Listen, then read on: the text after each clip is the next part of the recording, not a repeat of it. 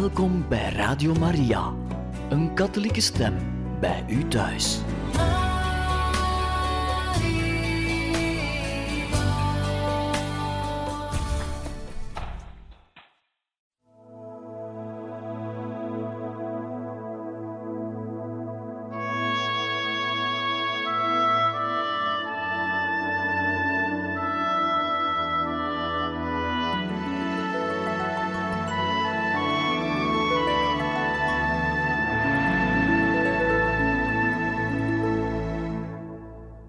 Beste luisteraars van Radio Maria, van harte welkom bij het programma Heiligen Getuigen, waar wij u graag verder voorlezen uit het boek Mijn Heerlijk Leven, het verrassend geestelijk avontuur van de jeugdige Gabriel Possenti, geschreven door Edmund Burke.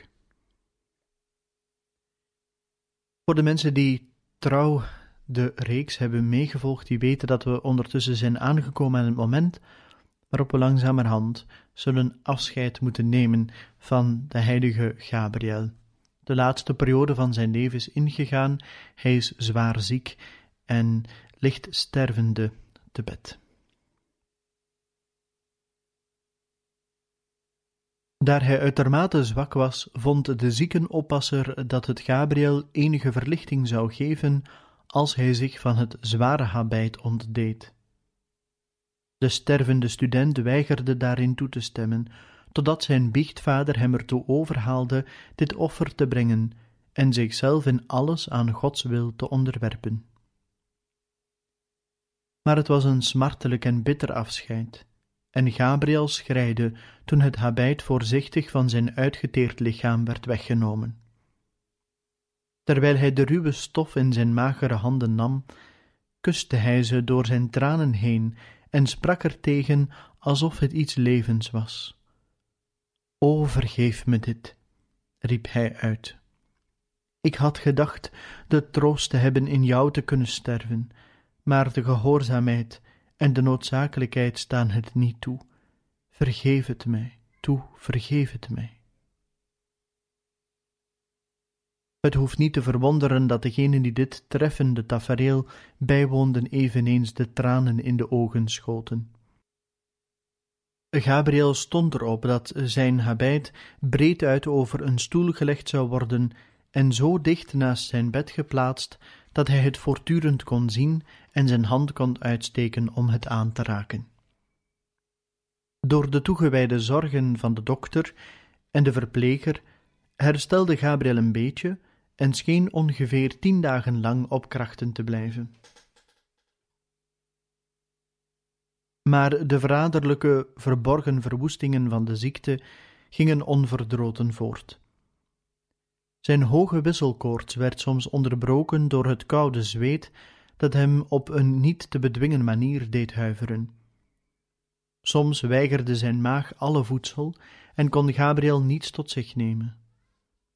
De ziekenverpleger probeerde hem op een zachtzinnige wijze toch daartoe over te halen. Kom, kom, neem nu een beetje, uit liefde voor onze lieve vrouw. En dan deed hij onmiddellijk zijn uiterste best ter wille van onze lieve vrouw. Andermaal dwongen zij hem krachtens de gehoorzaamheid te eten. En dan deed hij het meteen. Op dezelfde manier ging het met de medicijnen. Hoe bitter het drankje ook was, Gabriel nam het in zonder tegen te sputteren. Maar zijn zwakte nam dag aan dag toe, en allen moesten hulpeloos tot de erkenning komen dat er geen twijfel kon bestaan aan het einde. De wondermiddelen van de moderne geneeskunde waren in 1862 nog onbekend, maar de dokter deed zijn best met wat er beschikbaar was. Als laatste hulpmiddel wilde hij twee pleisters op Gabriels borst leggen, maar de patiënt had de grens van zijn uithoudingsvermogen bereikt. Waar dient het toe? vroeg hij, nu ik meer dood dan leven ben. En toen herstelde hij zich en drukte meteen zijn spijt uit over wat hij gezegd had. Ik ben altijd bang dat ik tegen Gods wil handel. Ik neem terug wat ik gezegd heb. Als men pleisters wil leggen, laat hen die dan maar leggen. Ik ben bereid. Toen de dokter de volgende keer kwam, verontschuldigde Gabriel zich, omdat hij schijnbaar tegen zijn voorschriften in had willen handelen. De dokter kwam heel dikwijls om de patiënt te onderzoeken, en Gabriel liet nooit na hem te bedanken voor zijn aandacht en zorg. Hulpeloos kon de dokter intussen alleen maar toezien hoe de ziekte haar noodlottige loop nam. Men kon niet hopen haar nog tegen te houden. Wat hij wel hoopte te kunnen doen, was de pijn te verzachten, die Gabriels mager en uitgemergeld lichaam teisterde. Bij het zien van zijn onuitputtelijke opgewektheid, zijn kalme aanvaarden van het lijden, zijn wonderlijke vrede en gelatenheid, verliet de dokter vaak de ziekenkamer met tranen in de ogen. Meer dan eens riep hij uit: O, wat is dat een voortreffelijke kloosterling! Lijkt wel een kleine engel. Hoe geduldig draagt hij zijn pijn. Buiten het klooster had het gerucht zich verspreid dat de vrome student stervende was. De eenvoudige mensen van het platteland in de buurt van Isola waren diep getroffen bij de gedachte aan dat jonge leven dat op zo'n pijnlijke manier langzaam wegstroomde achter de stille muren van het klooster. Er waren er maar weinigen die Gabriel van gezicht kenden. Nog geringer was het aantal degenen die ooit met hem gesproken hadden, maar toch wist iedereen van zijn heiligheid. Hun sympathie bleef niet bij woorden alleen. Er was een goedhartig landbouwer Egidio Ottaviani, die iedere dag verse melk liet brengen, die voor de zieke bestemd was. Gabriel was door dit vriendelijke gebaar diep getroffen. Eens was hij op zijn eenvoudige manier aan het bidden en vroeg aan zijn hemelse moeder om de liefde te belonen van degenen die voor hem zorgden, toen hij zich opeens die bijzondere weldoener herinnerde. Zijn eenvoudig gebed vervolgde hij toen met en wat kan ik doen voor die arme man die mij iedere dag melk zendt? Lieve moeder, wilt u erom denken hem te belonen? Schenkt hem iedere genade die hij naar ziel en lichaam nodig heeft. Pater Norbertus gaf toe aan het verlangen van Gabriel om zijn dank persoonlijk tot uitdrukking te mogen brengen. De brave boerenman, die zich vreemd en niet op zijn gemak voelde in de strenge gangen van het klooster, werd naar de cel van de stervende student gebracht. Gabriels dankbare glimlach scheen het hele vertrek te verlichten. Hij strekte zijn witte handen uit om de eeltige, door het werk getekende handen van deze landbouwer te grijpen en dankte hem in zulke welgekozen, vriendelijke woorden dat de brave man weende van vreugde. Feitelijk was Gabriel niet gewend zo het middelpunt te vormen van zoveel bezorgde aandacht. Tegen pater Norbertus zei hij: De zorg en aandacht die men mij zo overvloedig betoond heeft gedurende mijn ziekte, had niet groter kunnen zijn als ik een prins was. Mijn God, hoe zal ik dat ooit kunnen goedmaken? Hoeveel naaste liefde in het kloosterleven. Ik ben er diep door getroffen en volkomen onder de indruk ervan. Bovendien kon hij niet tot het besef komen dat de enge cel waarin hij lag een school voor vervolmaking geworden was. Instinctief wisten zijn medebroeders dat zij hier de belichaming voor zich zagen van het geestelijk leven, waarmee zij sinds lang in theorie vertrouwd geweest waren. Dit verklaarde waarom er zich onder zijn medestudenten een levendige naijver ontwikkelde om de eer in de ziekenkamer dienst te mogen doen. Een van hen deed zijn beklag bij pater Norbertus, omdat hij overgeslagen was en geen toestemming had gekregen om te waken toen hij daarvoor aan de beurt was. Een ander voelde zich gekwetst doordat hij werd weggestuurd voordat zijn tijd om was. Zoals pater Norbertus terecht opmerkte, de warme bevalligheid van zijn manier van doen werkte als een magneet, die zijn medebroeders naar de zijde van zijn bed trok en hen daar als het ware onwillekeurig deed blijven. Het was iets meer dan alleen maar broederlijke liefde dat hen er zo sterk toe dreef hem op te passen. De werkelijke oorzaak was de vrome vreugde der innerlijke gesteltenis van de zieke, die allen die bij hem kwamen als een zomerzon verwarmde en verkwikte.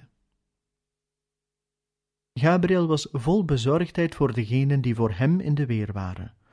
Op ontelbare manieren trachtte hij op een treffende wijze te tonen hoe dankbaar hij was jegens degenen die hem met zoveel onzelfzuchtige toeleg oppasten. Hij vroeg dat degenen die s nachts bij hem waakten, niet te lang aan één stuk bij hem zouden blijven en dikwijls zouden worden afgelost. Wanneer er een deel van zijn nachtrust had moeten missen, vroeg Gabriel verlof voor hem, om overdag wat extra rust te kunnen nemen. Toen een van hen opmerkte dat hij overdag niet kon slapen, wierp Gabriel hem een lachende blik toe. Je zou het in ieder geval kunnen proberen, antwoordde hij, en zich tot pater Norbertus wendend, die erbij stond, zei hij: Pater, test zijn gehoorzaamheid eens, stuur hem naar bed.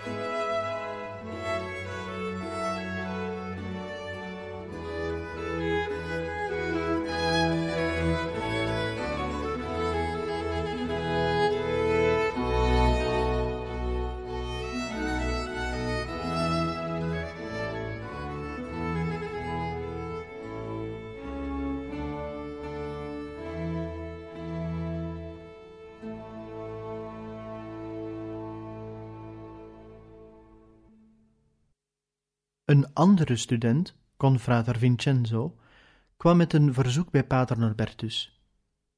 Ik heb er veel geestelijk voordeel van als ik confrater Gabriel mag helpen en het is een bron van zoveel stichting voor mij, zei hij, dat ik wel graag iedere nacht bij hem zou willen blijven. Ik kan het dan zo regelen dat ik overdag wat extra rust neem.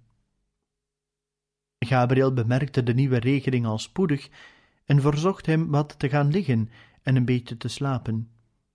Maar confrater Vincenzo verzette zich daar hevig tegen en zei dat hij het best aankon. Nou goed, zei Gabriel, dan zal ik met pater Norbertus over je moeten praten. Ik kan je niet de hele nacht hier laten blijven zonder te slapen. Ik wil niet hebben dat je straks het bed zult moeten houden ter wille van mij. Zijn uitermate grote zwakte samen met de hevige koortsen verhoogde zijn lijden. De pijnen van Christus gedurende zijn lijden indachtig, evenals de smarten van Maria, aanvaarde hij die pijnen niet alleen, maar hij verlangde ernaar. Hij koesterde ze met gelatenheid, met vreugde zelfs aan zijn hart, want het maakte hem meer gelijk aan het beeld van de gekruiste zaligmaker. Hij trachtte de pijn zelfs te verfijnen door zulke kleine lenigingen te weigeren die verkregen konden worden door anders of gemakkelijker te gaan liggen. Hij wist zich zo boven de pijnen en het ongemak van zijn ziekte te verheffen, zei een andere getuige, dat er steeds een glimlach om zijn lippen speelde en een uitdrukking van geluk zich over zijn gezicht verspreidde. Maar onder die uiterlijke opgewektheid kon men gemakkelijk de worsteling en de folterende pijn bespeuren die hem kwelde. Hij slaagde erin zijn pijnen licht te laten schijnen en zijn gevoel zo succesvol te verbergen dat slechts weinigen zich konden voorstellen hoe erg hij leed. Als men hem vroeg hoe hij zich voelde, klonk zijn van een glimlach vergezeld antwoord steeds even opgewekt. Net zoals anders, zou een blinde bedelaar zeggen. De enige die het geheim van zijn hart kende, was de toegewijde pater Norbertus, die steeds dag en nacht bij hem in de buurt vertoefde. Als ze alleen waren, stortte Gabriel zijn ziel voor zijn geestelijke leidsman uit. Hij was tot tranen toe bewogen, omdat hij tekortschoot in versterving, zo bang was om te lijden, zo weinig deugdzaam was, zo moeilijker toekwam zijn lijden het liefde voor Jezus en Maria op te dragen. Wanneer hij er zich van beschuldigde dat hij geprobeerd had een beetje gemakkelijker in het bed te gaan liggen, stonden ook pater Norbertus de tranen in de ogen. Verstandig en op een vriendelijke manier zei hij tegen hem dat het voldoende was al zijn lijden in het algemeen aan Jezus en Maria op te dragen, en dat, als hij anders wilde gaan liggen, om het wat gemakkelijker te hebben, hij dit zonder gewetensbezwaar doen kon. Steeds waakzaam begaf pater Norbertus zich nooit ver uit de buurt. De ene keer kwam hij hem geruststellen, een andermaal hem aansporen, en soms gaf hij hem zelfs een zachte berisping. Eén keer meende hij Gabriel onderdrukt te horen mompelen, klagend over zijn pijn.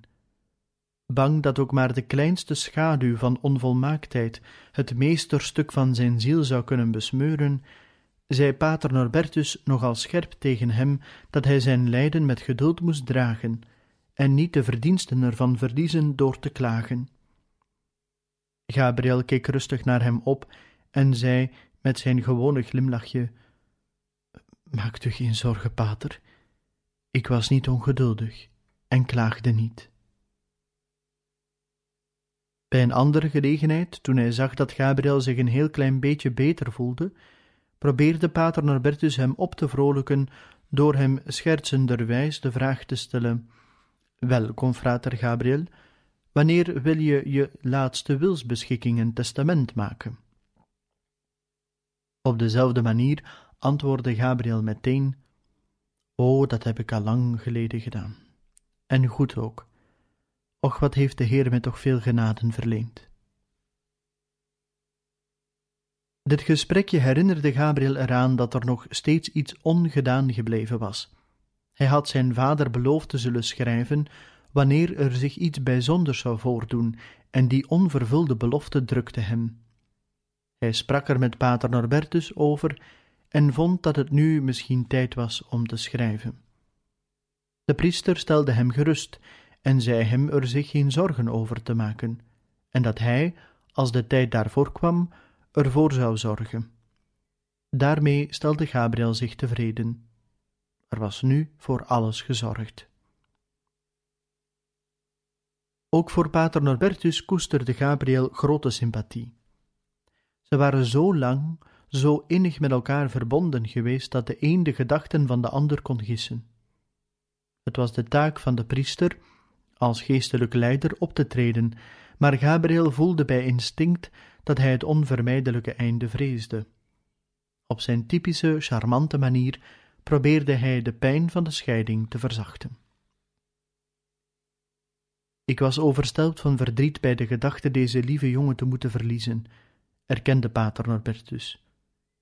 En hoe ik alles bij mezelf ook beredeneerde, ik kon mijn gevoelens niet in bedwang houden. Mijn verdriet ontging zijn scherpe blik niet.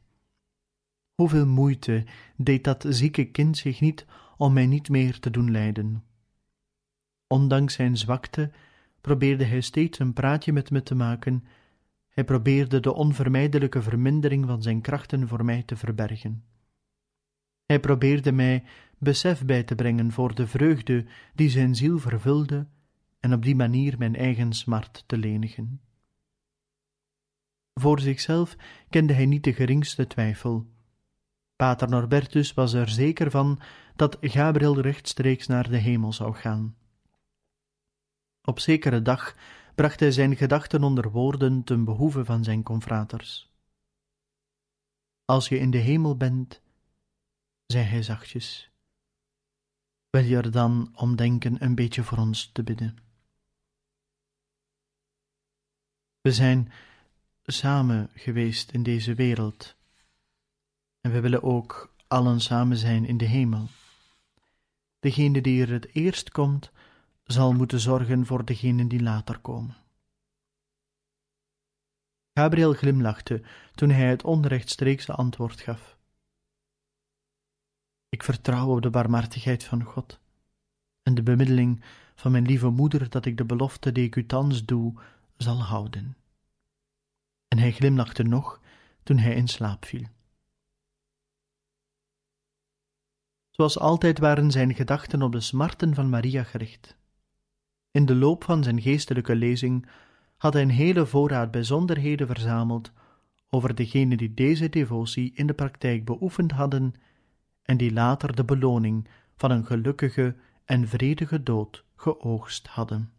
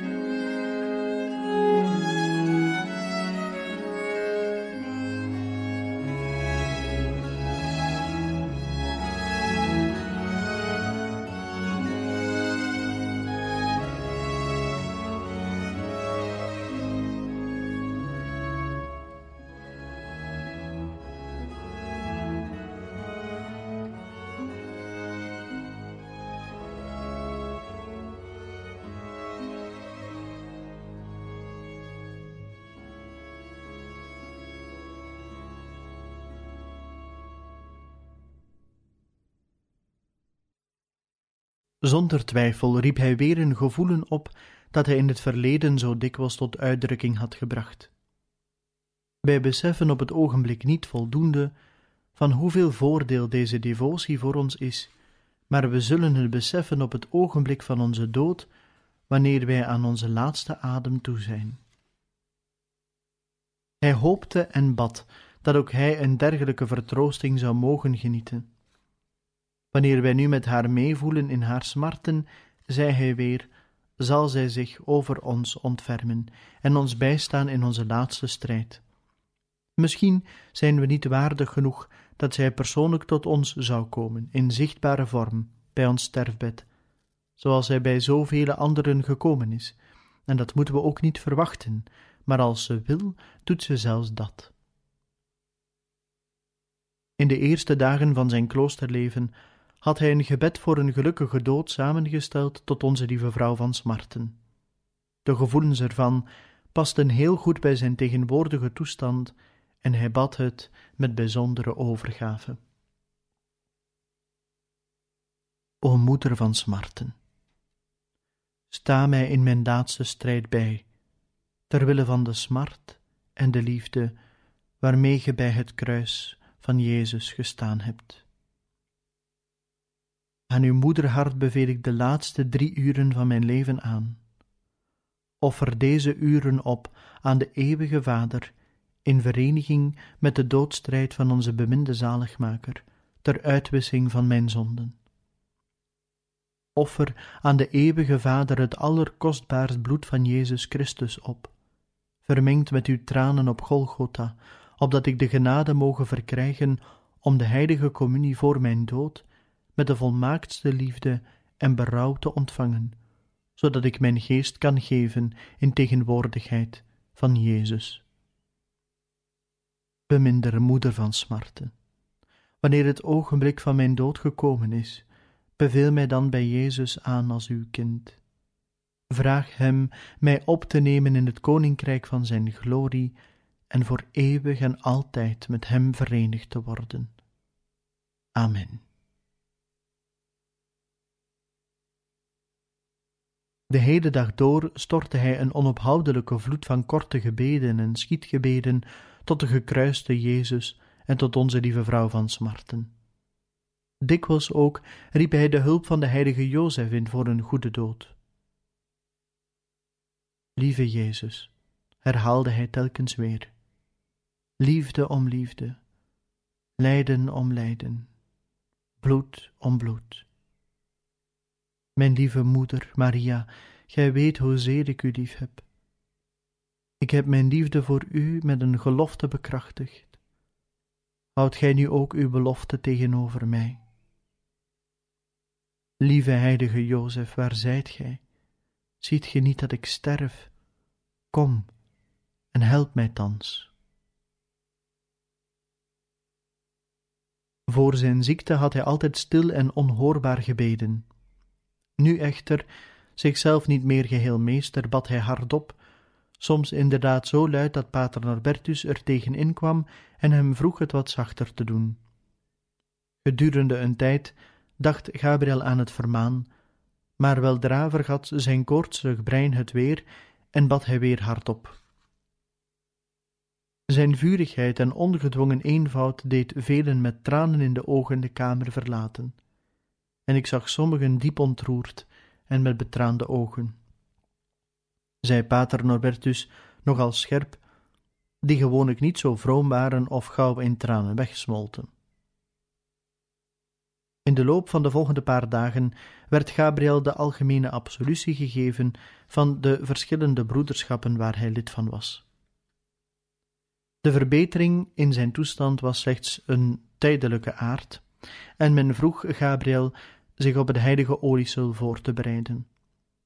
Rustig bereidde hij zich op dit vertroostend ritueel voor, waarbij hij pater Norbertus verzocht hem te helpen hem de uitwerking van dit sacrament weer voor de geest te brengen. Door de koorts was zijn gehoor verminderd, en daarom vroeg Gabriel van tevoren dat men de gebeden op luidere toon zou uitspreken dan gewoonlijk, opdat hij ze zou kunnen horen en beantwoorden. Het was moeilijk hem zo in bed te leggen dat de lendenen gezalfd konden worden, en daarom wilde de priester, zoals het ritueel toestaat, dit maar achterwege laten. Maar Gabriel drong erop aan dat de ceremonie tot in alle bijzonderheden zou worden uitgevoerd.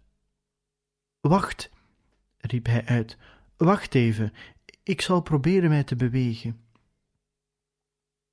Zijn kracht was zo gering dat het meelijwekkend was zijn zwakke pogingen te zien. Niet voordat de oppasser hem met sterke en behendige armen had opgetild, was hij in staat de laatste zalving te ondergaan. Daarna viel er niet veel meer te doen dan het einde af te wachten. Hij wist dat zijn gebed van zoveel jaren op het punt stond verhoord te worden, maar hij wilde graag het ogenblik afwachten dat God bepaald had. Na het ontvangen van het heilig oliesel was hij zo zwak en uitgeput dat de goedaardige oppasser voorstelde: Bid tot God dat hij je gauw in de hemel mag opnemen. Gabriel herinnerde zich het uitdrukkelijk bevel van pater Norbertus en antwoordde met treffende eenvoud: Dat kan ik niet, want mijn geestelijke vader heeft mij verboden daarvoor te bidden. Gabriel was reeds lang ontslagen van het naleven der observanties. Maar trouw tot het einde nam hij aan zoveel mogelijk van het communiteitsleven deel als zijn afnemende krachten toelieten. De meditatie was hem verboden met het oog op zijn uitgeputte toestand, en dat betekende voor zijn vurige ziel een werkelijk offer. Als hij gedurende de lange, vervelende uren van de nacht wakker lag, volgde Gabriel de wijzers van de klok, die langzaam voortkropen totdat zij de tijd voor de metten aanwezen. Dan riep hij zachtjes zijn medestudent om hem eraan te herinneren dat het tijd was om het teken voor de communiteit te geven, om op te staan voor het nachtofficie. Als de bel luidde voor de geestelijke lezing, vroeg Gabriel zijn oppasser hem een beetje voor te lezen uit zijn geliefkoosde boek De Glories van Maria. Als de communiteit bijeenkwam voor het avondgebed, liet Gabriel de kralen één voor één tussen zijn uitgeteerde vingers doorglijden, terwijl hij meedeed aan het gebed. Zijn brevier was reeds lang opzij gelegd, hij was niet langer in staat te mediteren, maar in zijn handen hield hij zijn grootste schatten, zijn kruisbeeld en een klein prentje van de moeder van smarten. Lang en liefdevol keek hij daarnaar, bracht ze aan zijn lippen, drukte ze tegen zijn hart. Zijn gedachten waren geheel geconcentreerd op deze twee voorwerpen van zijn liefde. Geen schaduw van twijfel of vrees viel er over deze dagen van afwachting. Met liefdevol vertrouwen voelde hij met zekerheid dat God hem in de hemel zou verwelkomen, een zegen die zijn metgezellen, naar hij hoopte, zouden delen. Ja, zei hij, we gaan naar de hemel. In de hemel zullen we voor altijd gelukkig zijn met Jezus en onze dierbare moeder Maria. Wat een heerlijk vooruitzicht. Maar wanneer? Wanneer zal dat zijn? De tijd was nu zeer dichtbij. De tijd die hem nog restte, kon met uren gemeten worden. Maar binnen deze laatste uren wachtte hem nog een hevige geestelijke beproeving. En zo eindigen wij voor vandaag deze aflevering van het programma Heiligen Getuigen. De laatste beproeving van de heilige Gabriel, daarover zullen we het hebben in een volgende aflevering van ons programma. En dan gaan we verder met hoofdstuk 20, de glorende dag. En dan zullen we samen naar het einde toegaan van het aardse leven van de heilige Gabriel en zijn overgang naar zijn hemelse leven meemaken. En dan hoop ik dat u er ook wenst bij te zijn. Van harte dank en nog een bijzonder fijne dag gewenst.